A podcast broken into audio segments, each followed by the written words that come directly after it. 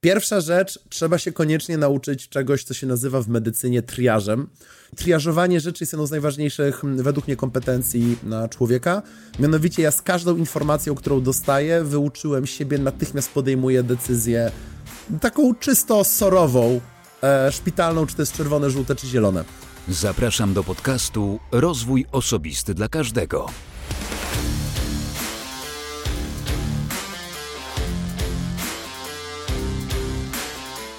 Cześć, ja nazywam się Wojtek Struzik, a Ty słuchać będziesz 223 odcinka podcastu Rozwój Osobisty dla Każdego, który nagrywam dla wszystkich zainteresowanych świadomym i efektywnym rozwojem osobistym.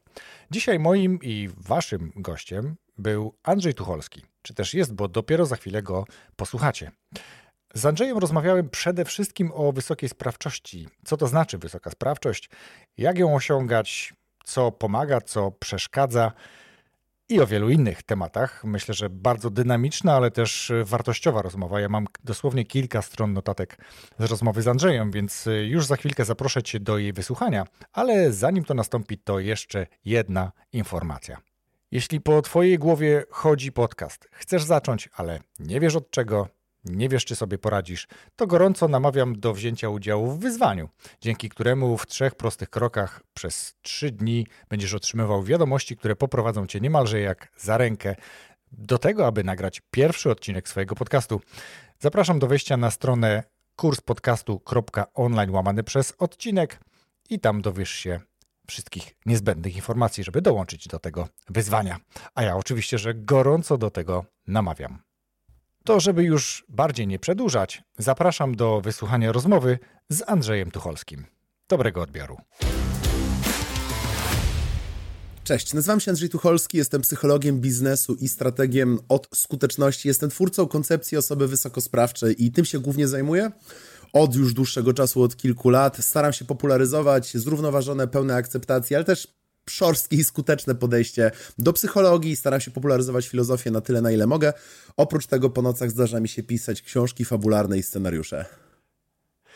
E, szybko, zwięźle i na temat można powiedzieć. Wrócimy sobie do pewnych rzeczy. Ta wysoka sprawczość, nie ukrywam, to jest ta rzecz, która mnie najmocniej zainteresowała. Zresztą widać ją wszędzie, gdzie się nie zajrzy w Twoje miejsca. Ale zanim przejdziemy do tej e, rozmowy właściwej, to ja jeszcze zapytam Ciebie, tak jak typowo pytam gości, e, z jakich narzędzi korzystasz? Co u Ciebie się sprawdza w kontekście Twojego rozwoju osobistego, Andrzeju? Narzędzi mentalnych? Jakichkolwiek, które przynoszą efekty. Twoją A, jasne. sprawczość. Wiesz co, moja wysoka sprawczość się przede wszystkim zaczyna od zastanawiania się, co jest w zgodzie ze mną. I to jest ta najbardziej filozoficzna, najmiększa chyba część tego, czym się zajmuję, o czym opowiadam. Nie wydaje mi się możliwe długofalowo robić cokolwiek w takim nurcie, niestety, do którego ludzie są często przyzwyczajeni przez to, jak z, mówiąc wprost z Ameryki do nas przypłynęła ta taka moda że interpretujemy słowo skuteczność jako efficiency, czyli wydajność, chciałoby się przetłumaczyć, a nie jako efficacy, czyli skuteczność, rozumienie zaufania, rozumienie radzenia sobie z rzeczami, rozumienia działania w zgodzie z tym, jakie ma wartości. Więc moim najczęstszym narzędziem jest e, absolutnie nie coś, co ja wymyśliłem, ale z takich osób, które, które na przykład lubię, wiem, że podobnie działa Rick Rubin i po prostu staram się zawsze zatrzymać i bardzo mocno wsłuchać, czy ja rozumiem, czy ja czuję. Jeśli ja coś rozumiem i czuję, naprawdę wiele innych narzędzi natychmiast staje się wręcz zbędnych, bo ja po prostu już sobie jakoś poradzę. Może nie optymalnie, może na brudno, może na brzydko. Jeśli ja za to nie czuję, nie rozumiem tak w pełni, co mam zrobić, czemu, dla kogo, co, czemu to ma służyć, Oj, człowieku, 42 skoroszyty w Excelu później i wiesz, 6 z banków kawę, ja nadal jakby nie odpisałem na żadnego maila. I tu nie ma już wysokiej sprawczości wtedy. Och, stanowczo Faktycznie nie. dobrze jest to czuć, e, co, co robimy i wtedy na pewno wychodzi nam lepiej. E, dziękuję Ci za to, co powiedziałeś. No to przejdźmy do tego, co faktycznie jest tą wysoką sprawczością dla Ciebie. Trochę powiedziałeś, że jest to coś, co jest zgodne z Twoimi wartościami, coś, co lubisz, rozumiesz, e, ale na Twojej stronie pierwsze, co się rzuca w oczy, kiedy ktoś wejdzie sobie na, e, na stronę andrzejtucholski.pl, bo taki jest adres strony, to rzuca się robię wiele rzeczy. Co to znaczy, Andrzeju, co, co to jest robię wiele rzeczy dla ciebie? Co, jakie to są rzeczy i, i, i dlaczego je robisz i dlaczego jest ich wiele? Ja dosłownie dzisiaj miałem kola z moją wspaniałą praworęką Pauliną Malczyk, moją researcherką i jak zwykle dostawaliśmy udaru przez dwie godziny, jak mnie komunikować w internecie w związku z tym, ile ja rzeczy robię. Wiesz co, wysokosprawczość to jest, um, nawiązuje oczywiście do teorii profesora Wojciszkę, wysokosprawczość to jest, ja to tak sobie nazywam roboczo, gotowość do robienia tego, co trzeba, z tym, co masz, tam, gdzie jesteś, tak jak akurat się znajdujesz, i wysokosprawczość jest, w mojej opinii, drzwiami ku temu, żeby rzeczywistość człowieka nie przytłaczała, żeby radzić sobie w złych, trudnych warunkach, a jak spojrzysz za okno, pokazuję teraz na mój balkon, to ta, tam jest dużo chaosu i, i rzeczy, które być może nam nie sprzyjają. Ja mam ten gdzieś tam przywilej i radość, że udało mi się te takie pewne rzeczy uspokoić w swoim życiu i korzystając ze zoptymalizowanego czasu, z bardzo wielu różnych e, narzędzi skutecznościowych, których też tam podłapałem gdzieś tam w życiu pewną bibliotekę, po prostu lubię robić dużo. Jestem takim człowiekiem, który ma ochotę nie musieć rezygnować z rzeczy, które mnie ciekawią. Ja się bardzo łatwo ciekawię i jeśli ja się czymś ciekawię, staram się od razu w jakiś sposób wpleść w to, e, to w swoje życie. Jeśli się ciekawię czymś, co dotyczy psychologii lub filozofii, pewnie to znajdzie wyraz w moim, mojej pracy zawodowej. Jeśli się ciekawię czymś zupełnie niezwiązanym, staram się zawsze dużo dowiedzieć, a jeśli to jest coś więcej, jak moja miłość do pisania, do opowiadania historii, to po prostu to doklejam gdzieś z boku. I faktycznie, jak się popatrzy na to, na jakieś podsumowanie, taką listę, co ja zrobiłem w ciągu roku, ona wygląda dziwnie, bo będzie tam podcast, będzie tam to, że publikuję e-booki, będzie tam to, że szkole, ale też będzie to, że zrobiłem serial audio, będzie to, że dosłownie za chwilkę wychodzi moja powieść obyczajowa, to, że w tle redaguję kryminał grozy, słuchaj, bo mnie z jakiegoś powodu naszło na kryminał grozy, czy to dobrze, nie wiem, czytelnicy ocenią, ale no łatwo się ciekawie i całe życie szukam drzwi ku temu, żeby tę ciekawość nie musieć jej zakopać, na rzecz tego, by musieć coś zrobić, tylko staram się znaleźć tą metodę środka, żeby ta ciekawość gdzieś mogła kwitnąć u mnie na co dzień. Mhm. Jak rozmawiałem z Markiem Skałą, to on też powiedział, że on ma taką bardzo objętościowo dużą listę rzeczy do zrobienia, bo pracuje w takim przeświadczeniu, że jeśli ta lista jest całkiem spora, to, to zrobi też sporo z tej listy, a gdyby ona była mała, mhm. to potencjalnie czy też proporcjonalnie zrobi mniej. Czy coś u ciebie też tak podobnie funkcjonuje? Absolutnie. To jest taka ogólna zasada chyba, którą każdy widzi, że kiedy jest zajęty, robi więcej, a kiedy ma dużo wolnego czasu, to wszystko zajmuje w ogóle nie wiadomo ile. I ja zauważyłem, że ja lubię być w, no oczywiście nie przesadzonym, bo to niezdrowe, a ja mam tendencję niestety do przesadzania, ale w zdrowym biegu bardzo lubię spędzać moje życie, bo wtedy robię rzeczy sprawnie, robię rzeczy szybko, robię rzeczy bez a, wpatrywania się w nie, jak wiesz, w jakieś fotografie z albumu z pierwszej komunii, a, parafrazując Killera. Po prostu mam, robię, dziękuję, mam, robię, dziękuję. Lubię być bardzo w tym, w tym stanie, bo tak jak mówisz, moja lista, zapamiętam sobie, podoba mi się, moja lista też jest objętościowa. Bardzo, bardzo chciałbym z tej, z tej listy zrobić dużo spraw, a dużo z tych rzeczy jest też czasochłonnych, więc życie, w którym mogę sobie pozwolić na myślenie i na tempo właściwe dla serca, wydaje mi się konieczną podstawą ku temu. Mhm. Masz też w swoich zasobach kursów online. Y, tu y, gratuluję, bo to też ciekawy, ciekawy kierunek. Myślę, że możemy do tego za chwilę też pewnie nawiązać, ale jeden z kursów dotyczy mm, efektywności, takiej właśnie tej produktywności. No, to, to, to są dwa różne pojęcia, ale bardzo ze sobą e, związane. Y, I tu chciałem Cię zapytać, bo też powiedziałeś o tym, że lubisz, lubisz być zajęty. No, jak mamy duże listy, no to zwykle jesteśmy zajęci, ale no, w tym świecie takiej efektywności, mm, produktywności, ta zajętość nie zawsze przekłada się na skuteczność, na dowożenie rzeczy y, do końca. Jak to u ciebie jest? Ile z tych wielu rzeczy, które masz, faktycznie dowozisz, a które i w którym momencie tak naprawdę odpuszczasz, żeby na przykład, nie wiem, nie realizować efektu y, Concorda, tak? Bo już się tak bardzo mhm. zaangażowałeś, że jeszcze pociągnę ten miesiąc czy dwa. Ja generalnie bardzo łatwo ukręcam łby projektom. Jeśli coś nie działa, nie łapie takiego naturalnego wiatru, relatywnie szybko, bardzo szybko się z tego wyautowuję. Bardzo lubię próbować. Ja nie za bardzo rozumiem interpretowania. Ja słyszę dyskusje w internecie poświęcone, wiesz, lękowi przed próbą, lękowi przed porażką i tak dalej. Ja prywatnie nie do końca rozumiem koncepcję porażki. W sensie porażką jest dla mnie na przykład brawurowo źle potraktowanie kogoś. No bo to, to wtedy to jest moja porażka jako człowieka, jeśli bardzo źle kogoś potraktuję.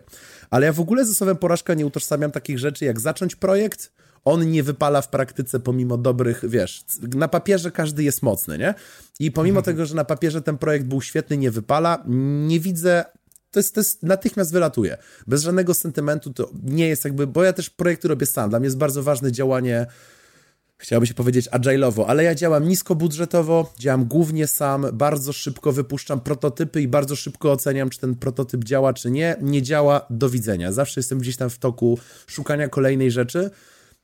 Wydaje mi się błędem to, że ludzie robiący rzeczy takie jak ja, takie jak ty, uczą się biznesu z książek, od które gdzieś tam w domyśle miały być dla kadry zarządzającej korporacjami. My musimy szybko działać, my musimy być zwinni w naszych decyzjach. Internet pozwala testować różne koncepty strasznie szybko, bardzo niskim kosztem, w zasadzie wręcz w moment. A, I nie ma sensu, w mojej prywatnej opinii, długo się sklejać, bo jeśli my jesteśmy, no nie wiem, nawet dwie godziny w tygodniu, jeśli coś nam zajmuje na projekt, który my już wiemy, że, on, że to nie to. Czy to dla serca, czy to dla portfela, czy to dla naszych perspektyw, to nie jest to to te dwie godziny to może być absolutnie być albo nie być dla czegoś innego, co by nas uwolniło, uwolniło twórczo na przykład. Więc wywalam projekty strasznie szybko, bardzo dużo testuję. Czyli dokładnie tak jak z filozofią mówienia nie. Jeśli komuś powiesz nie, to tak naprawdę powiedziałeś tak komuś czy czemuś, co, co robisz i warto umieć też odmawiać, U, nie? Nawet ale sobie ładne. samemu. Nie? Bardzo ładne, nie. tak, dokładnie tak. Cieszę się, że ci się podoba. E, tutaj też powiedziałeś o tym e, minimalnej, to, to jest chyba MVP, jak dobrze pamiętam, czyli taki produkt o jakiejś minimalnej wartości, którą już rynek może ocenić i albo go będę rozwijał, albo nie. I tu też jest mi to bardzo bliskie. Też wypuściłem kurs, który e, akurat był wcześniej testowany, więc to mm, też już dostał opinię i nawet ostatnio jakiś mój jeden z kursantów, jak go zaczął przerabiać, to wskazał jakieś obszary, których jeszcze nie wyłapaliśmy na etapie testów i trzeba coś tam popodpinać, jakieś załączniki obiecane w materiale wideo, a których nie było pod, e, pod kursem. Wiesz co, mm, bardzo lubię i szanuję osoby, nie tylko te oczywiście, które, które nagrywają podcasty, ale chyba trochę szczególnie te. Darzę je e, większą sympatią, bo one już wiedzą też trochę, co to jest. Tak? To nie jest tylko ta ładna okładka i chwalenie się tym, ile osób mnie słucha, jeśli w ogóle takie coś jest, ale to jest też cały mm, ten proces, którego nie widać. Nie? Ten, ta, ta góra, ta część góry lodowej, która jest pod wodą. W którym momencie, Andrzeju, u ciebie pojawił się pomysł na pierwszy podcast, bo nie masz jednego? E, to wiesz co, trochę cię, e, przepraszam za bezpośredniość, ale zagnę, bo mój pierwszy podcast to był w 2009 roku. z moim przyjacielem, z którym zresztą nadal się, nadal się e, klim, e, jakby bujamy razem, założyliśmy podcast o grach wideo, słuchaj, w odmętach roku 2009, kiedy podcastowanie wymagało od ciebie ręcznego wrzucania rzeczy na serwer FTP. I tylko na SoundCloud jeszcze o, tam Chryste, chyba, nie? aktualizowania jakichś plików tekstowych, ręcznej rozmowy z RSS-em Apple'a, to była tragedia. Ale wie, wiem, do czego zmierzasz. Ja, od, ja kocham podcasty, słuchaj. Ja w ogóle nie czytam blogów, bardzo rzadko oglądam YouTube'a. Ja czytam książki, to jest ta rzecz, którą robię z moim wolnym czasem, a jeśli nie czytam książek, a, znaczy, żebym nie zabrzmiał jakoś bardzo mądrze. Ja się generalnie strasznie opieprzam i oglądam seriale, dlatego nie oglądam YouTube'a, bo jeśli mam obejrzeć YouTube'a, to ja już seriale. wolę... Tak, to ja wolę sobie obejrzeć, wiesz, CSI Miami, no nie? I, I, jakby to jest moja preferencja. Ale żeby się czegoś dowiedzieć, czytam książki, a jak nie mogę czytać książek, słucham podcasty. I to jest moja ukochana forma mediów. Ja podcasty słucham całe życie, w takim sensie nawet, że jak były podcasty, słuchaj, w 2000, mam ochotę powiedzieć, szóstym, siódmym, a ja miałem taki odtwarzacz MP3, taki e, creative z takim dzędzelkiem przód tył do wymieniania MP3. Twoi słuchacze będą na pewno i słuchaczki częściowo wiedzieli o co chodzi. Ja ściągałem przez noc jeszcze wtedy na komputerze e, takim rodzinnym, bo jakby nie miałem jeszcze swojego e, te MP3, zgrywałem na tego Creative'a, żeby móc mieć, wiesz, jak jeździłem tam na, na, do szkoły czy na zajęcia, później na uczelnię podcast. Kocham to medium. I miałem takie poczucie wiele razy, że chcę mieć podcast, ale mówiąc wprost, y, nie miałem konkretnego pomysłu jaki, bo ja już miałem bloga wtedy, miałem YouTube'a, miałem Instagram i jesienią 2019 po prostu złapało mnie za serce, że ja mam pomysł. A jak mawia mój tata, nie ma większej siły w kosmosie niż idea, na którą przyszedł czas. I ta, ta idea mi się właśnie urodziła. W jesienią 2019 trwa do dzisiaj z przerwami, ale podcasty kocham jako konsument. Jest to medium, które też najbardziej lubię tworzyć jako twórca. O, widzisz, ubiegłeś moje pytanie, ale w takim razie chciałem zapytać, które medium jest najlepsze, już podpowiedziałeś. Chciałem zapytać o kursy, o, o ale książki, bo to też tworzysz, a tu, a, tu, a tu podcasty. E, to wiesz co, to i pociągnę jeszcze chwilę temat podcastów. E, skoro lubisz, słuchasz, a nawet wręcz kochasz, bo słuchacze nie widzą, ale ja widzę, jak ty gestykulujesz i z jaką energią mówisz o podcastach. to fakt I, I, pewnie słuchasz y, zarówno tych polskojęzycznych, jak i anglojęzycznych zapewne, ale być może masz jakiś ulubiony polski czy polskojęzyczny podcast. Co by to było? Wiesz co, ja słucham bardzo dużo, więc sięgnąłem teraz po telefon i odpaliłem Spotify'a, żeby zobaczyć na moje podcasty. Z międzynarodowych podcastów, znaczy ja w ogóle nie słucham podcastów z tematyk rozwojowych bardzo często, to może powinienem zacząć mhm. od tego. Ale z polskich podcastów jestem wielkim fanem podcastu o latach 90. i zerowych, który się nazywa Podcastex. A, mhm, i, i, i, jest absolutnie nienaganny. Jest to cudna według mnie audycja. Jestem absolutnie zakochany tym, co chłopaki robią, bo prowadzi to dwójka szalenie charyzmatycznych prowadzących a, i opowiadają o, o latach, które mi się kojarzą z młodością, więc jestem, jestem zupełnie zachwycony. Jeśli zaś chodzi o podcasty anglojęzyczne, bardzo lubię podcast e, Huberman Lab, znaczy w ogóle bardzo lubię postać Hubermana mhm. i dużo się, dużo się uczę. Dla mnie on jest takim update'em Tima Ferisa, bo przez lata słuchałem podcastu Tima Ferisa i gdzieś się tam rozminąłem z nim w międzyczasie. Bardzo lubiłem, jakie on pytania zadawał ekspertom i dokładnie w to miejsce mi wskoczył, wskoczył Huberman. E, to jest dosyć niszowa rzecz, ale gorąco też polecam podcast Strong Songs, silne piosenki Kirka Hamiltona. Doskonała, doskonały podcast, jeśli się kocha muzykę, żeby się dowiedzieć trochę więcej o popularnych numerach i czemu je lubimy od człowieka, który tą muzyką oddycha. W ogóle lubię to w podcastach, wiesz co, że to jest takie medium które naprawdę można mix and match i sobie dobierać to, jaki odcinek się akurat chce dzisiaj posłuchać w aucie lub w, wiesz, w autobusie. Albo prasując, nie? To Albo prasując, a dokładnie. Że, że, że, że, w domu słuchamy najwięcej. Ja byłem zaskoczony, bo ja głównie słucham w samochodzie. A, ale to wiesz, jak to jest bańka taka, myślisz o sobie wtedy. -hmm. e, Andrzej, super, bardzo ci dziękuję. Podcastex był polecany w takim projekcie, w którym uczestniczę od 2019, jak sobie go wymyśliliśmy, najlepsze polskie podcasty. Twoje podcasty, w tym nagrałem się również, tam już był polecany, bo to wyłapujemy takie, szczególnie początki, szczególnie kiedy się pojawił. Twój pierwszy odcinek się tam pojawił w tym newsletterze. O, miło mi jest chyba w, w topie wszystkich podcastów na Spotify Spotify, więc Huber Labs jest mm, faktycznie super. Ten e, Strong Songs to sobie zanotowałem, chętnie sprawdzę, ale a propos Strong Songs to też był taki polski podcast, szkoda, że już go nie ma. Mm, Dekonstrukcja, nie wiem czy kojarzysz, gdzie tam też były rozkładane piosenki e, na elementy o, pierwsze, ominęło jak one mnie, ale chętnie jest nadal dostępny, natomiast no niestety już koleżanka go mm, nie tworzy. E, z tego co pamiętam, raczej staram się to śledzić. Dobra, y, słuchaj. Wiesz to, co, to jeśli mogę, ci, tej... e, jeśli mogę ci tylko na szybko wejść w słowo, ten właśnie mój serial audio, ej, nagrałem ci się, jest dokładnie przykładem tego, co spytałeś wcześniej. Mianowicie, ja byłem ciekaw, czy umiałbym pisać scenariusze dla audiobooka. I czy w ogóle umiałbym wymyśleć audiobook, w sensie historię bardziej audio. Nie czytaną mhm. książkę, tylko stricte słuchowisko. A, no i właśnie w ciągu dosłownie jakichś nie wiem, dwóch godzin powstał pomysł na i nagrałem ci się, bo ja po prostu byłem ciekaw, żeby siebie sprawdzić i kocham za to możliwości, które daje internet. No ja jestem gdzieś tam, wiesz, że tak powiem, wożę się, bo mam mikrofon, bo już prowadziłem podcast, ale kocham to. Jesteś ciekaw, czy umiesz napisać audiobook? Jeśli masz relatywnie w porządku słuchawki Bluetooth, to jesteś w stanie na telefonie nagrać tu i teraz a jakąś próbkę, która może być od razu testem tego czegoś, co masz ochotę przetestować. E, tym bardziej, że twój podcast nie jest e, podcastem typowym, bo po pierwsze krótka forma, po drugie faktycznie e, jest to nagrałem ci się, czyli odbierasz tak jakbyś odsłuchiwał sekretarkę, jest jakby spójny z całą ideą i nam jak tylko go polecaliśmy bardzo się podobał. Cieszę się, że go tworzy, bo tam chyba kolejny sezon teraz będziesz udostępniał. W momencie, w którym my rozmawiamy, leci trzeci i ostatni sezon. Pod koniec kwietnia okay, finał. No właśnie. Mhm. Ja też ubolewam trochę nad tym, że jakby w polskim świecie podcastów, jak już jesteśmy przy tym temacie, jest stosunkowo mało tych słuchowisk, o których mówisz. No, czy nieważne już o no, długości tego formatu, ale generalnie o formacie samym sobie jako słuchowisko. Ja miałem przyjemność uczestniczyć w dwóch fajnych projektach. Szkoda, że Rafał ich nie, nie, nie kontynuuje ale pewnie rzuciło się, na, rzuciło się na tą decyzję to, że statystyki słuchania były wtedy małe. E, był taki podcast Nieidealne Historie i tam e, scenariusz jeden i drugi, zresztą napisany przez Rafała, bardzo ciekawy. E, no, zachęcam do tego, żebyście sprawdzili zarówno Andrzeja, hej, nagrałem ci się, jak i te nieidealne historie. To są kapitalne słuchowiska.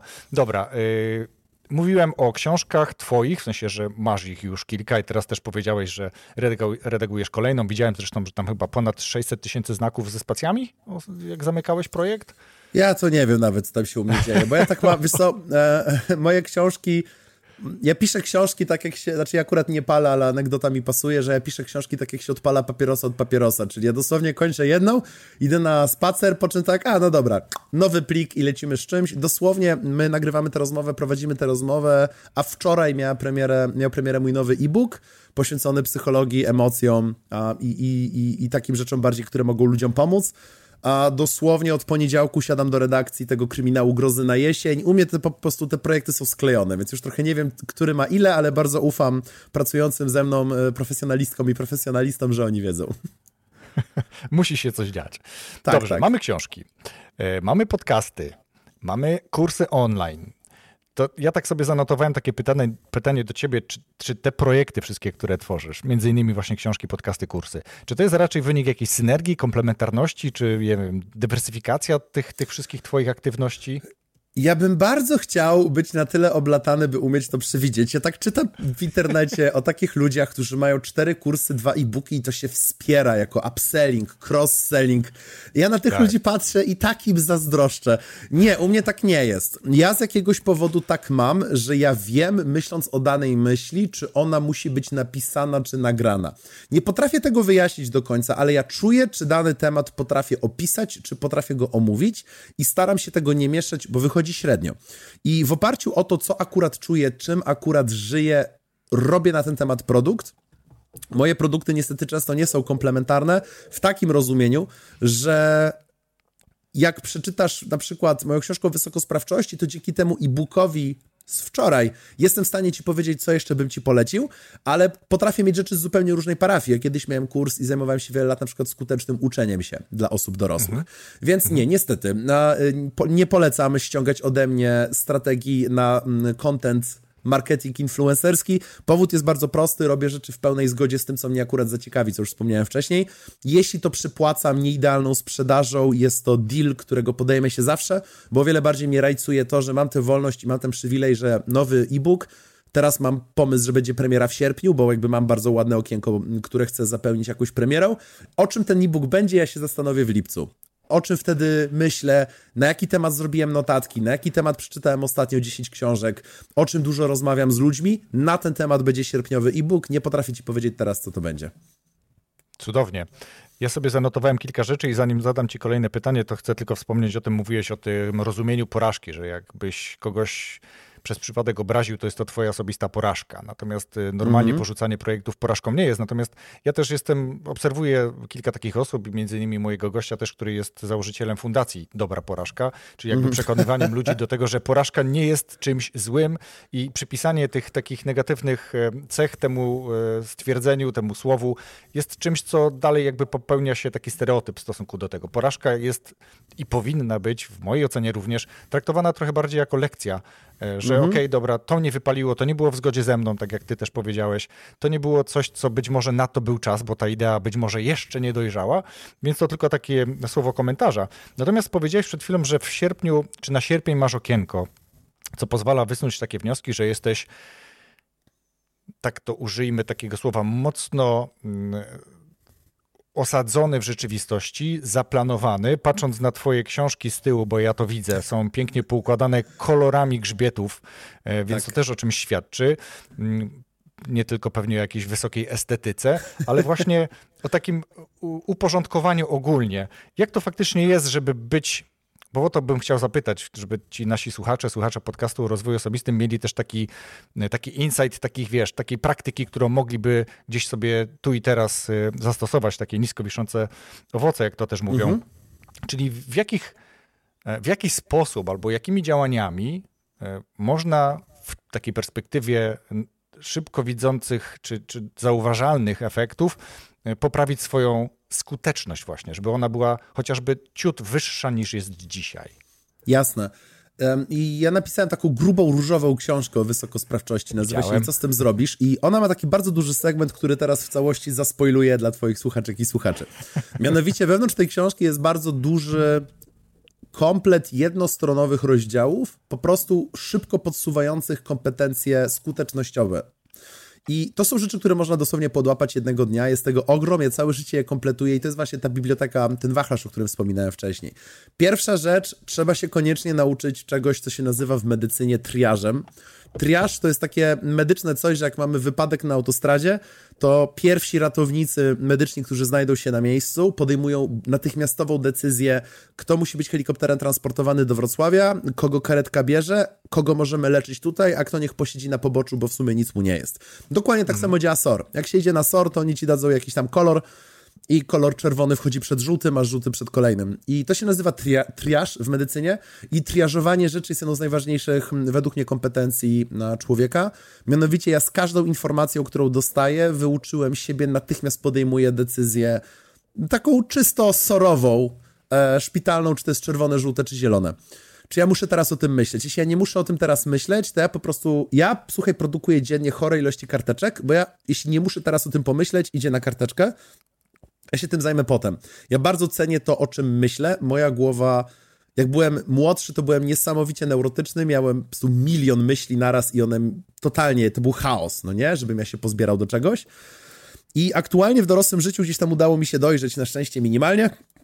Nie do końca, ale trochę i udało mi się te myśli ułożyć, że ta, ta autostrada w głowie działa mniej więcej w porządku, chyba, że tam się coś wepchnie. Więc pierwsza rzecz, triaż, priorytety, wypychanie myśli, o których nie musisz myśleć na później. Druga rzecz, człowiek szybciej pracuje kategoriami. Na przykład, jeśli mam 20 klientów i dla każdego muszę dowiedzieć, powiedzmy, o, mam premierę e-booka z wczoraj. Załóżmy, że miałbym jakiś błąd, na szczęście nie miałem, ale miałbym jakiś błąd na stronie. No nie, że 20 osobom nie przeszły zamówienia, a przeszły płatności. Najgorszą rzeczą, jaką można robić, jest praca cross-kategoryczna, czyli otwieram maila, sprawdzam zamówienie, sprawdzam fakturę, jeśli się zgadza, wysyłam, e, wiesz, z powrotem e-booka tej osobie. To jest najwolniejsze, co można zrobić. O wiele szybsze jest sprawdzenie wszystkich tych maili i wypisanie na bok danych, sprawdzenie wszystkich płatności, sprawdzenie wszystkich faktur, po czym wysłanie wszystkich e-booków. I jesteś w stanie, przez to, że nie musisz przeskakiwać się psychicznie pomiędzy różnymi kategoriami skupień, różnymi kategoriami kompetencji, jesteśmy w stanie brawurowo przyspieszyć robotę. Ja w ten sposób, e, to jest część odpowiedzi na Twoje pytanie, jak ja pracuję też, że, że mam takie plany. Ja wszystko robię tak. Mianowicie, jeśli ja mam dzień, kiedy czuję, czasami tak mam, że się budzę trochę bardziej kreatywny, taki wiesz, taki mądry jestem raz na parę tygodni, to ja wtedy siadam i tego dnia piszę newslettery, bo bardzo dużym, ważnym medium dla mnie jest mój newsletter, który, który w poniedziałki głaszcza, w piątki szturcha. I ja tego dnia piszę newslettery na na przykład dwa miesiące do przodu w jeden dzień. Bo tego dnia myślę o newsletterze i mam w sobie tę wrażliwość, zastanawiam się, czego ludzie potrzebują, o czym mogą się, wiesz, patrzę na kalendarz, czego się mogą bać, co ich może martwić w, tego, w, te, w tych datach, no nie? Innego dnia na przykład nagrywam podcasty na miesiąc, dwa do przodu, bo staram się zawsze pracować kategoriami. I to jest taka druga rzecz. Dlatego ja na przykład wiem, że mam e-booka w sierpniu, bo ja już znam siebie, ja wiem, że wiem ile tygodni powstaje u mnie e-book, wiem jak to się ma do wszystkich innych cykli wydawniczych, które chcę zrobić. Wiem, że mam premierę kolejnej książki najprawdopodobniej w październiku lub listopadzie, fabularnej książki, wobec czego muszę całą komunikację produktu komercyjnego wypchnąć z życia przed wrześniem, żeby była przerwa, bo nie chcę tylko gadać o sprzedażówce moim, moim odbiorcom. I trzecia właśnie rzecz to jest takie miękkie planowanie o wiele dłuższe niż sądzimy. Większość ludzi, jak cokolwiek planuje, to się wywala na tym, że planowała roszczeniowo, życzeniowo. No dobra, to zajmie dwie godziny. Nie, wpisz cztery. Naprawdę, zaklinam ciebie, wpisz cztery. To będzie cud, jak się wyrobisz, że to nie będzie sześć. I mój cały sekret do planowania jest taki, że planuję bardzo grube plany z dużym wyprzedzeniem i w toku upływu życia co tydzień precyzuję plan na za miesiąc od teraz tygodniowy. I ja teraz z grubsza wiem, co robię we wrześniu i pozwala mi to rozumieć, że skoro ja mam w październiku premierę książki, ale już ją napisałem, to wrzesień jest wolny. Więc jak ktoś się dziś mnie będzie pytał, czy ja chcę szkolić we wrześniu, mogę z komfortem powiedzieć pewnie, że tak. Nie jest to duży problem. Ale jak mam premierę e-booka w sierpniu, to on jeszcze nie istnieje. Więc jak ktoś się mnie spyta, czy chcę szkolić w lipcu, już mam notatkę mentalną, nie, nie mogę szkolić w lipcu, w lipcu raczej piszę e-booka. I długofalowe planowanie, takie bardzo grubymi nićmi szyte, takie zgrzebne planowanie długoplanowe, w miarę jak się zbliżamy, precyzowanie tego planu i zakładanie, że wszystko weźmie, zajmie więcej czasu niż my sądzimy, to jest taka trzecia główna rada, którą bym dał. Czyli triaż, praca kategoriami i wszystko trwa trochę dłużej niż nam się wydaje. Super, ja sobie to wszystko też zanotowałem, natomiast uśmiechałem się, jak powiedziałeś o kategorii i rozwinąłeś o co chodzi, bo mhm. od razu przypomniał mi się taki obraz sprzed wielu, wielu lat, kiedy jeszcze mieszkałem z rodzicami i tata, wtedy taka była też moda, układał błazerię. No i tak za jak? każdym razem, jak listewkę sobie wyczyścił, to, to ją później montował, później schodził, czyścił kolejną i ją montował, później schodził, czyścił i ją montował. Y, I moja mama, jak to zobaczyła, mówi, Kaziku, a czy ty nie możesz tak nagle tych wszystkich na dole tu listewek sobie wyciszyć, a później tylko tam zamontować? Więc to jakby ewidentnie tak działa. Widać, że moja mama podświadomie już to potrafiła. Mam nadzieję, że trochę mi tego przekazała. Mm, ale ja wrócę jeszcze znowu do trzeciego punktu, czyli to miękkie planowanie, nie takie życzeniowe, tylko raczej zakładanie sobie takiego buforu i to nie też tak, jak mówią podręczniki, zostaw sobie tam 20%, tylko raczej, tak jak powiedziałeś, niemalże drugie tyle dołóż. Mm, lepiej mieć rezerwę i sobie na przykład odpocząć, zobaczyć serial, niż gdzieś tam później się denerwować, że brakuje mi czasu. Mm, ja wiem, że narzędzia są wtórne, ale być może masz jakieś ciekawe narzędzia albo takie, które u ciebie się sprawdzają w tej perspektywie takiej, że wiesz, że od dzisiaj do za miesiąc już detalizujesz wręcz ten plan. Hmm. Ja mam bardzo mocno, nie wiem czy to jest narzędzie, ale ja mam bardzo mocną formatkę tygodnia. Innymi słowy, ja sobie w Google Kalendar, bo używam Google Kalendar do, do prowadzenia mojego kalendarza i od wielu lat to robię, mam potworzone wydarzenia stałe. Innymi słowy, chcę na przykład raz na tydzień odwiedzić lub zadzwonić jakoś tak na o wiele dłużej niż normalnie do rodziców, bo bardzo lubię mieć z nimi kontakt. I to jest jakby na stałe wpisane w sobotnie przedpołudnie. We wtorki mam przyjaciela, zresztą o Rafał najlepszego, to ten sam, z którym podcast zakładałem e, jedną epokę kamienia łupanego temu. E, w, ponieważ się przeprowadził do Szczecina, a chcę mieć z nim kontakt, to gramy sobie we wtorki, zresztą dzisiaj później o 20 też się z nim łapię. E, gramy sobie we wtorki w gry przez internet i sobie w tle rozmawiamy i nadrabiamy ploty. No więc jakby we wtorki jest na stałe wpisany Rafał. I ja tego typu rzeczy, które muszą się wydarzyć, mam wpisane jako powtarzalne rzeczy. W poniedziałki i środy staram się mieć wpisany dzień ogólny na pracę, tak zwany dzień ogólny, bo wiadomo, że ci wybuchnie jakiś pożar. Zawsze wybucha jakiś pożar. Maile, ktoś coś chce, wstaw. Prawo Murphy'ego dowolną rzecz. Oczywiście, że tak. I to są dla mnie aż dwa, dwa dni w tygodniu, kiedy się tym zajmuję. I w efekcie mam bardzo mało czasu, a w efekcie bardzo bezpiecznie czuję się z jego planowaniem, bo wiem, że mam do dyspozycji tylko i wyłącznie wtorki, czwartki i piątki. I to jest chyba moje główne narzędzie, że mam taką formatkę i ja sobie budżetuję czas w oparciu o życie, które chcę mieć. Godziny, o której chcę wstać, godziny, o której mniej więcej chciałbym pójść spać bardzo precyzyjnie widzę, ile mam godzin w całym wrześniu, dzięki czemuś takiemu. I tych godzin we wrześniu, bo ja jestem człowiekiem dosyć, to jest być może mm, nie do przełożenia na to, jak ktoś ma etat albo pracę bardziej mającą strukturę niż moja. Ja mam te dziwne życie, w którym absolutnie wszystko decyduję ja gdzieś tam sobie zawodowo i pracowo, pracowo, pracowo.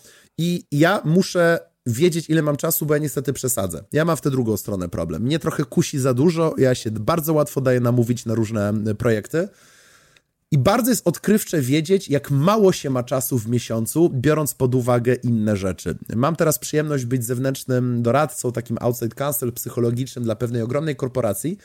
I powiem Ci, że od dobrych sześciu spotkań z nimi, bo bardzo duże robi, robimy mm, Działania mające na celu usprawnienie pracy pracowników nie po to, by robili więcej, tylko by się czuli spokojniej, bo jakby firma zauważa, że są dosyć duże poziomy nerwów związanych też z sytuacją na świecie i staramy się jakoś bez negatywnego wpływu na przebieg procesów wpłynąć na to, żeby pracownicy mieli się lepiej. I słuchaj, no głównym problemem jest na przykład to, że pracownicy mają nie wpisane w plan dnia maile, a tych odpisywania na maile są czasem dwie godziny dziennie. No i to jest taka rzecz, o której się nie myśli zupełnie. Tak, tak, tak, ale my, my, każdy z nas, jeśli ma pracę z komputera, de facto zawodowo odpisuje na maile. To jest, to jest niestety smutna codzienność. I trochę się rozwlekłem, ale biorę to teraz do kupy i dopływam do brzegu. Moim chyba głównym narzędziem jest to, że mam bardzo precyzyjny plan na taką szeroką formatkę dni. To się oczywiście zmienia, bo to, że ja chcę w poniedziałki w środę pracować nad moimi rzeczami, ale akurat w środę będzie szkolenie, no to oczywiście przesuwam to, tak jak mówię, na miesiąc od dzisiaj mniej więcej, ale bardzo czyści mi głowę świadomość, jak niewiele mam czasu do rozdysponowania. I bardzo jest dla mnie ważny, to był moment przełomowy w moim życiu, kiedy się zorientowałem, że planów prywatnych typu trening, typu rodzina, nie, to nie są te fajne bąbelki, które mogę skasować, jak mam za mało czasu na pracę. Bo ja przez lata tak funkcjonowałem niestety, że bąbelki prywatne w Google Kalendar to jest to taka zapasowy woreczek z czasem. Jak się nie wyrabiam, to je mogę skasować. Źle na tym wyszedłem, już wiele lat temu zdrowotnie i teraz to jest też dla mnie kluczowe w trzymaniu tej formatki, że to jest życie, które ja chcę. To jest życie z taką ilością spotkań z bliskimi, jaka jest dla mnie potrzebna. To jest życie o takich pobudkach i treningach, jakie mi sprzyjają.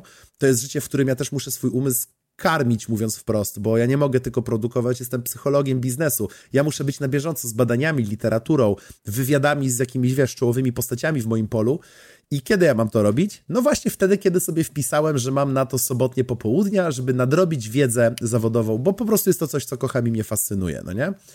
I głównym moim narzędziem będzie twarda formatka życia prywatnego, która dosyć mocno na mnie wymusza, ile mam czasu na pracę i podejmuję te decyzje z dużym wyprzedzeniem, czy tam się coś zmieści. E, cudownie. Powiedziałeś o tym, e, żeby tych bąbelków prywatnych zadań i, i, i, pasji różnych nie, nie przekuwać na rzecz e, opóźnień w projektach. Ja sobie to zapisałem, że to jest takie trochę świadome ostrzenie piły, nie? bo to wiemy o tym, że jakby na to ten czas musi się znaleźć, a, a nie, żeby nie być w tym takim kieracie jak ten chomik w tym kółku, tak? czyli ciągle zasuwamy, zasuwamy, czyli jesteśmy non-stop zajęci, tylko jakby tematy się nie posuwają do przodu. To, to też jest dosyć typowe, bym powiedział i ja też staram się ludzi trochę jakby uświadamiać i namawiać do tego właśnie, żeby umieli zrobić taki krok czy dwa do tyłu, żeby spojrzeć na te swoje aktywności i umieć e, ustalić te kategorie, czy nawet nie kategorie, ten triaż. O, to, to jest, to jest co hmm. mi się spodobało. Triaż, o, to jeszcze dodam jedną, rzecz od, dodam jeszcze jedną rzecz od siebie, mianowicie jeśli brakuje mi czasu w kalendarzu, to zadaję każdej kategorii, każdemu jednemu wydarzeniu pytanie, ale po co? I powiem ci, że szokuje mnie, jak bardzo często nie umiem odpowiedzieć na to pytanie. I wtedy dana rzecz wylatuje. I kolejna sprawa, w Google Kalendarzu niestety bardzo wygodnie się przesuwa te pieprzone bąbelki na kolejny dzień. One tak cudownie przechodzą z dnia na dzień, nie? Drag, drop I... and drop. Oj, tragedia. Jeszcze tak ładnie wskakują. I powiem ci, że mam zasadę, że jeśli trzeci czy czwarty raz przesuwam bąbelek, wywalam go. To znaczy, że okay. najprawdopodobniej to nie było jakieś kluczowe. Czyli tak jak e, ogony z listy to do, jeżeli to przeciągasz już kolejny tam tydzień czy miesiąc, to po prostu. No to pa. Jak znowu Super. wróci i mnie ugryzie w tyłek, mówi się trudno. No to pa, podoba mi się. Dokładnie tak. Wiesz co, i chyba ostatnie pytanie y, chciałbym ci zadać. Y, wszystkim mam wrażenie, y, coraz bardziej czy coraz trudniej jest się skupić na, na pewnych rzeczach, które, które się robi. E, ty tych rzeczy, o, o, czym rozmawiamy, robisz bardzo dużo. Jeżeli jesteś już w trybie pisania, e, no to piszesz, ale no właśnie, pytanie, czy przychodzi coś, co cię rozprasza? Jak sobie radzisz z takimi rozprasza, rozpraszaczami? Czy, czy jakoś je identyfikujesz, stosujesz te takie e, ogólnie znane, powiedzmy, tam zasady w stylu, nie wiem, telefon wyłączam, albo chowam szufladę, albo tam nie wiem co jeszcze. Jak to u ciebie wygląda? Taki ostatni tip, e, żebyśmy mogli faktycznie od osób, czy takiej od osoby jak ty, która jest wysoko e, sprawcza, e, usłyszeć i zastosować prawdopodobnie. Mam nadzieję, że zastosować, bo posłuchać to fajnie, ale później wdrożyć. Odkryłem, to co powiem jest nie, być może niezdrowe, ale odkryłem, że opieprzanie się mi służy. Innymi słowy, jeśli mam ochotę pograć na konsoli, jeśli mam ochotę poczytać książkę, nie jest to przypadkiem. W sensie, ja, ja jestem człowiekiem z natury leniwym niestety, ale leniwym do rzeczy, których nie kumam. Dlatego tak na samym początku wspomniałem o tym, jak dla mnie ważne jest rozumienie tego, co robię. Wiesz co, mi zajmuje ogromne, ogromnie dużo czasu rozpędzenie się w jakiś tryb. Ja bardzo dziwnie pracuję.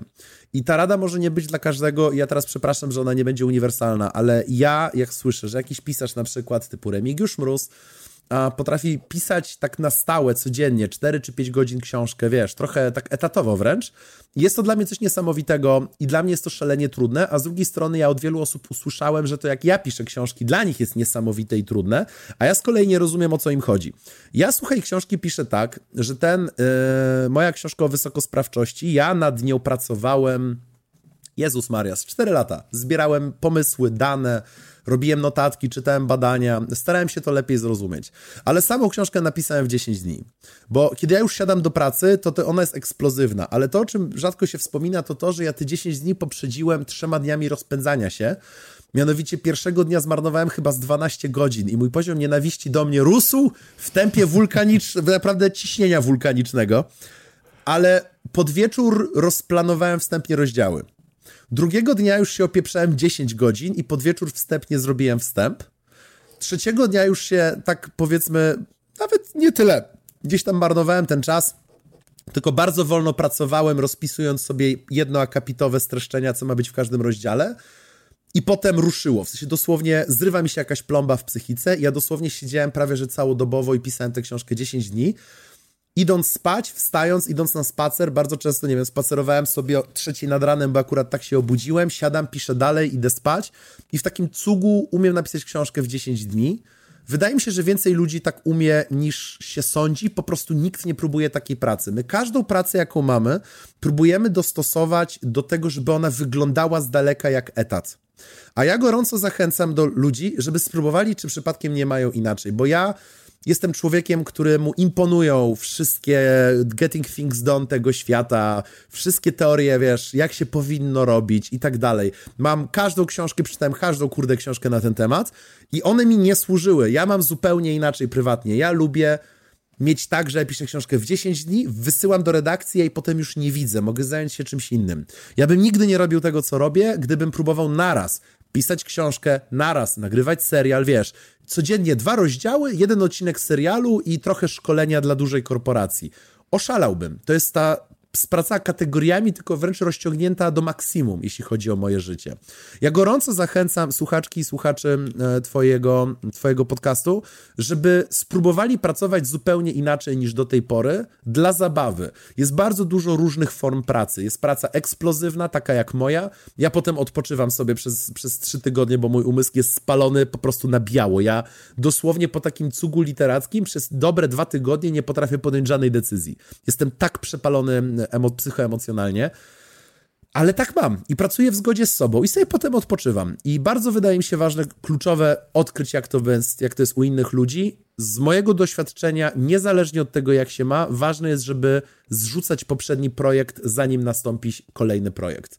Bo bardzo wielu z nas, wiele z nas jest utkniętych w sześciu różnych projektach naraz i to też dotyczy etatu, wiesz, bo jak tak pracuję z ludźmi z dużych firm, to kiedyś się świętowało, był początek, był brief, potem był koniec projektu, debriefing, wiesz, było takie poczucie closure, jak to się mówi w psychologii, domknięcia poznawczego, a my dzisiaj wszyscy mamy takie rozślimaczone 72 projekty, które nam się gdzieś tam wleką przez życia. Bardzo jest ważne, żeby z tym walczyć. Jeśli ktoś pracuje eksplozywnie jak ja, albo nie wie, że pracuje eksplozywnie jak ja, będzie miał trochę łatwiej. Jeśli ktoś pracuje raczej w sposób taki, wiesz, rozłożony w czasie, skrupulatny, o wiele bardziej zdeterminowany, o wiele bardziej konsekwentny z dnia na dzień i tak jest ważne, by samemu sobie przynajmniej tworzyć ułudę domknięcia poznawczego. Czyli dzisiaj skończyłem pracować nad konspektem. Dzisiaj skończyłam pracować nad pierwszym, pierwszym szkicem i trzeba sobie przesuwać te takie, wiesz, na suwaczkach naszych projektów, że tak powiem, guziczki dalej w prawo, coraz bardziej bliżej 100%, bo my oszalejemy bez tego. Więc moja przydługa, ale mam nadzieję, że można z niej coś wyjąć, wyjąć odpowiedź brzmi, pracujmy w zgodzie z sobą, zachęcam ludzi do sprawdzenia, czy przypadkiem nie pracują eksplozywnie, bo więcej ludzi tak pracuje niż, niż się wydaje. Kluczowe jest, żeby działać w zgodzie z predyspozycjami charakteru, emocjonalności, tego jak się czujemy. Oczywiście nie przesadzajmy, bo bardzo łatwo jest się wypalić zawodowo, a leczy się to upierdliwie. I, I właśnie ostatnia rzecz, jeśli pracujemy, niezależnie od tego, jak pracujemy, koniecznie pokazujmy sobie, że upływają etapy pracy, bo inaczej naprawdę można oszaleć. I chyba jeszcze tak e, może nie tyle świętujmy, co w jakiś sposób warto byłoby uczcić nawet postęp małych e, kroków, bo Stanowczo. kamieni milowych, dlatego że my, co też niestety chyba jest, e, cierpią z tego tytułu pracownicy korporacji, przynajmniej tych, które mają już jakąś historię w Polsce i na świecie, że kiedyś jakby doceniało się efekty i, i zakończony projekt, a nie doceniało się tego wszystkiego, co się dzieje po drodze, tych starań nawet, tak? Się nawet takie ukuło chyba powiedzenie, że dobrymi chęciami i staraniami piekło jest wybrukowane. Tak. Co jest krzywdzące, myślę, bo starania są czasami ważniejsze niż efekt końcowy. No ale to moje. O, stanowczo. Opinia. Pod kątem emocjonalności stanowczo. Tak, świętujmy. Ja pochodzę z domu, gdzie jak mojej mamie coś wyszło, tata natychmiast brał, brał rodzinę do restauracji, a jak, mojej ma, jak mojemu tacie coś wyszło, mama robiła galaretkę i gdzieś tak wzrosłem w tym takim domu, gdzie się tak strasznie każdego wieczoru każdy się jakby pytamy siebie nawzajem, czy jesteś do świętowania. I to jest taka rzecz, którą Super. staram się gdzieś tam trzymać dalej w życiu. Warto świętować nawet głupoty, bo, bo jakby Jezus, bo czemu nie? Życie jest od tego, żeby gdzieś tam cieszyć się z tego upływającego czasu, a nie mieć wiecznie doła, że deadline przed nami. Chciałem Cię zapytać o to, co byś jeszcze zostawił, czy chciał, z czym byś chciał zostawić słuchaczy. I myślę, że to jest właśnie ta myśl, która przed chwilą wybrzmiała, więc pozwól, że tego pytania już nie zadam, ale zadam inne, ostatnie już, przysięgam. książka lub książki, które poleciłbyś słuchaczom podcastu Rozwój Osobisty dla Każdego, byłyby to? U. Nie mam pojęcia, dlaczego nie przewidziałem, że zadasz mi to pytanie, ale w sumie mogłem przewidzieć, że zadasz mi to pytanie. Z rzeczy, które naprawdę na mnie dużo wpłynęły, polecę trzy. Polecę level lightowy, level średni i level trudny. E, bardzo dobre wrażenie wywarła na mnie książka, którą teraz szukam, jak się nazywa po polsku, 4000 tygodni. I to jest Ach, level light. mi ją polecała. Super. Oliwiera, Oliwiera Jest Burkmana. w języku polskim też. Mhm. Tak, właśnie patrzę, że właśnie patrzę, widzę w polskiej księgarni. 4000 tygodni Oliwiera Burkmana. Jeśli chodzi o level średni, gorąco polecam książkę Lizy Barrett. Moment, e, szukam jak się nazywa po polsku. Mózg nie służy do myślenia. 7,5 lekcji na temat mózgu. Jest to metaanaliza bardzo przystępnym językiem poprowadzona tego, w jaki sposób powinniśmy E, powinniśmy myśleć o mózgu, bo słuchaj, mózg to jest wbrew pozorom taki przestraszony flaczek, który nie za wiele rozumie, a my mamy od niego trochę wygórowane oczekiwania, co ten flaczek powinien robić z automatu. Polecam.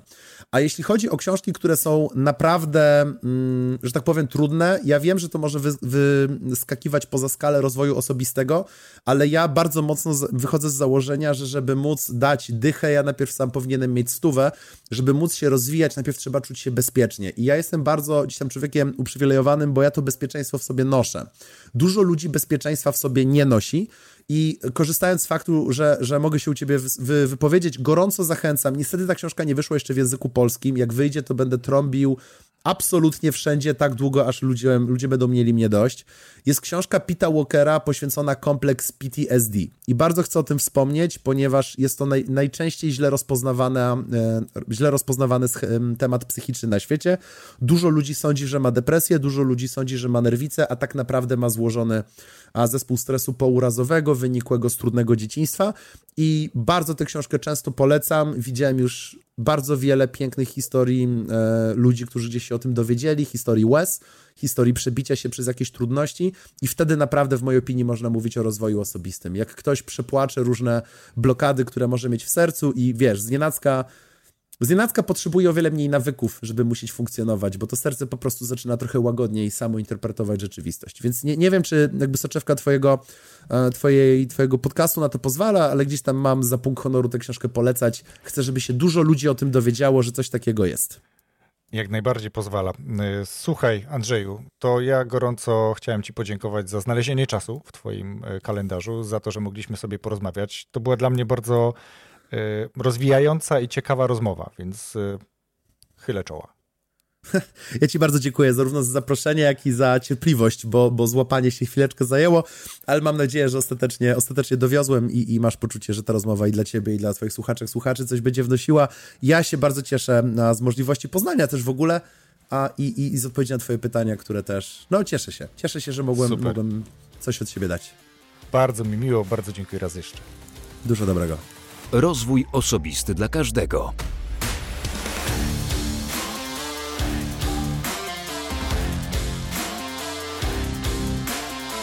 Dzięki za wysłuchanie tego odcinka do końca.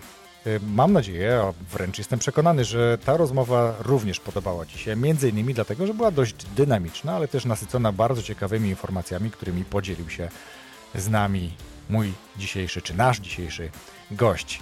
Ciekaw jestem, co dla Ciebie było najbardziej interesujące w tym odcinku, bo ja wynotowałem sobie na pewno te trzy rzeczy, które decydują o wysokiej sprawczości Andrzeja, czyli triaż, a tak naprawdę ustalanie priorytetów, kategoryzowanie zadań, tu dałem też przykład od siebie e, z domu, który pamiętam, i miękkie planowanie, nie życzeniowe, ale miękkie, czyli dodawanie sobie nie 20% do takiej rezerwy, bufora czasowego, ale dodawanie niemalże dwa razy tyle czasu na zadanie. Jeśli się uda zrealizować je szybciej, to po prostu masz więcej czasu na odpoczynek. Ciekaw jestem, co dla Ciebie było interesujące i atrakcyjne z tego odcinka. Daj znać, jeśli możesz. Możesz to zrobić e, na Instagramie, możesz to zrobić na Facebooku, gdziekolwiek możesz do mnie się odezwać, napisać na Wojtek Małpa Rozwój Osobisty dla każdego.pl. Za każde informacje bardzo dziękuję i zapraszam już za tydzień do kolejnego nowego odcinka podcastu Rozwój Osobisty dla każdego. Do usłyszenia.